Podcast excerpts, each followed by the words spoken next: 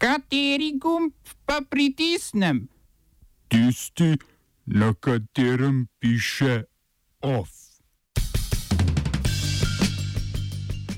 Južnojemenski separatisti zauzeli mesto Aden razkol v protihutijski koaliciji.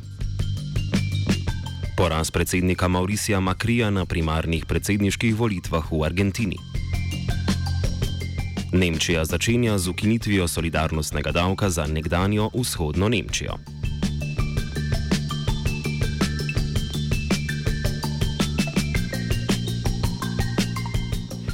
Dober dan. Južni prehodni svet, vojaška organizacija, ki jo podpirajo Združeni arabski emirati, je prevzela nadzor nad mestom Aden.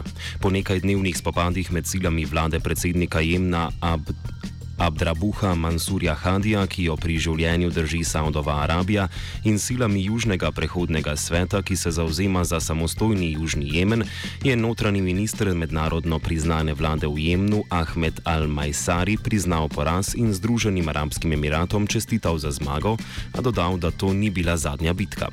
Dogodki v glavnem mestu južnega dela države kažejo na razkol v koaliciji, ki se že štiri leta bori proti hutijevskim upornikom. Po podatkih Združenih narodov je v uličnih spopadih umrlo 40 ljudi, ranjenih pa je bilo 260. Gibanje Ansar Allah oziroma Hutiji, ki so po prepričanju Saudove Arabije povezani z Iranom, imajo nadzor nad severozahodnim delom države, vključno z nekdanjo prestolnico Sano in glavnim pristaniškim mestom Hodjedo.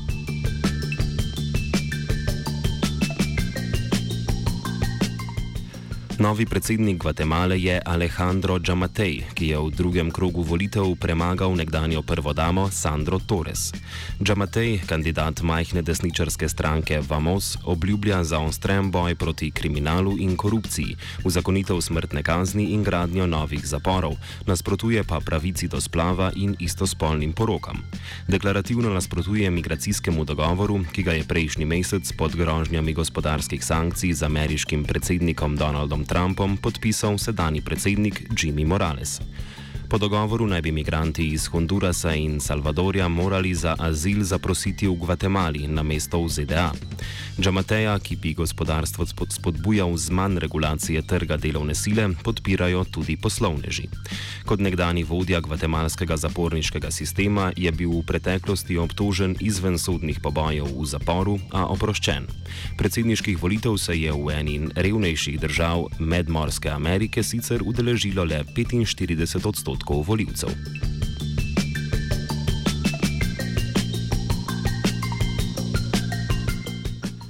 Z nizko udeležbo niso imeli težav na primarnih volitvah v Argentini, na katerih je volilna udeležba obvezna. Največ glasov je prejel Alberto Fernandez iz deklarativno leve peronistične stranke, ki je prejel kar 47 odstotkov glasov. Tako je premagal proti kandidatko znotraj stranke in nekdanjo predsednico države Kristino Fernandez de Kirchner. Morda pomembnejše prehitev je tudi trenutnega predsednika Mauricija Makrija, ki je prejel okrog 32 odstotkov glasov. Primarne volitve so v Argentini organizirane na nacionalni ravni in poleg mirjanja sil različnih predsedniških kandidatov znotraj strank omogočajo tudi primerjanje med najuspešnejšimi kandidati nasploh pred oktobrskimi predsedniškimi volitvami. Če bi Fernandez oktobra dosegel enak rezultat, bi zmagal že v prvem krogu in zamenjal konzervativnega Makrija. Njegov mandat je zaznamovala neoliberalna gospodarska politika, ki ni uspela zamejiti visoke inflacije in recesije, kar je Makrija prisililo v dogovor z mednarodnim denarnim skladom za posojilo v vrednosti 51 milijard evrov. Čeprav je Fernandez glede svojih morebitnih gospodarskih ukrepov za zdaj tiho, finančni analitiki na podlagi zgodovine peronistične stranke sklepajo, da bo država pod njim bolj spodbujala povpraševanje in se obrnila stran od varčevalnih ukrepov. Čez Atlantik. Na portugalskem so vozniki cistern z gorivom začeli stavko za nedoločen čas, potem ko so pogajanja med sindikalnim združenjem in delodajalci propadla. Okrog 30 odstotkov benzinskih črpalk je tako ostalo brez goriva. Vlada je že v petek razglasila energetsko krizo, kar ji ne glede na stavko omogoča dobavo energije za ključno infrastrukturo, kot so pristanišča, bolnišnice in letališča. Po aprilu je to že druga stavka prevoznikov goriva, ki so nezadovoljni s plačami in delovnimi pogoji.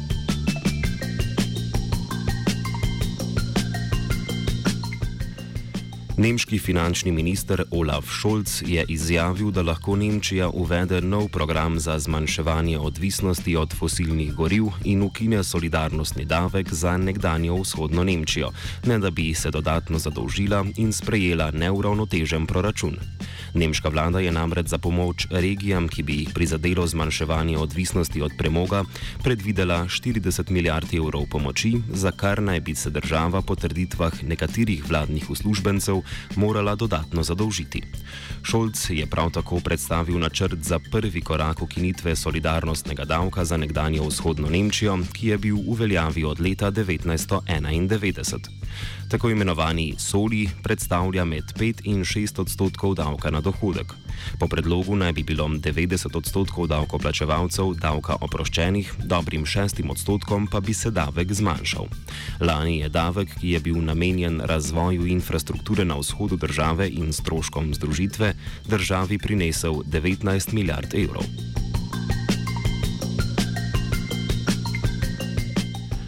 Po besedah premijeja Scotta Morrisona je to največja vojaška investicija Avstralije od druge svetovne vojne. Avstralija bo namreč v naslednjih štirih letih investirala prek 300 milijonov evrov za posodobitev opreme osmih specialnih enot vojske. Z denarjem bodo enote dobile nova orožja, zaščitne obleke in padalsko ter plezalsko opremo.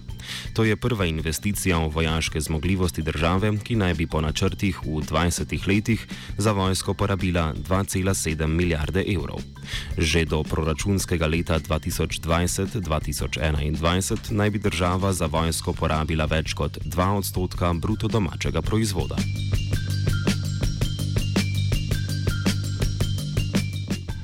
Severneje se zaostruje trgovinska vojna med Južno Korejo in Japonsko. Južnokorejsko trgovinsko ministrstvo je sporočilo, da bo Južna Koreja Japonsko s septembrom odstranila seznama držav s preferenčnim trgovinskim statusom. Japonska bo uvrščena v kategorijo držav, ki so podpisale najpomembnejše globalne sporazume o nadzoru izvoza, a imajo sistem nadzora izvoza, ki krši mednarodne norme. Japonska bo edina v tej kategoriji. Ukrep je odgovor na podobno podobno dejanje Japonske, ki je Južno Korejo izključila z seznama 27 držav, s katerimi, s katerimi lahko najugodneje posluje. Že 4. julija je Japonska omejila izvoz treh kemikalij, nujno potrebnih za južnokorejsko industrijo polprevodnikov, ključnih za največja podjetja, kot je naprimer Samsung. Južnokorejska podjetja bodo sedaj za izvoz strateških dobrin na Japonsko potrebovala dodatna dovoljenja. Postopek odobritve izvoza pa bo lahko podaljšan podaljšan za 15 dni. Trgovinski spor ima sicer korenine v nerazrešenih zgodovinskih vprašanjih, ki zadevajo japonsko okupacijo Korejskega polotoka v prvi polovici 20. stoletja. Južnokorejsko sodišče je namreč nedavno razsodilo, da morajo japonska podjetja izplačati povračila zaradi takratne uporabe suženske delovne sile. Off je spisal Martin. Poslušate Radio Student. Želimo vam uspešen vzlet in prijetno potovanje.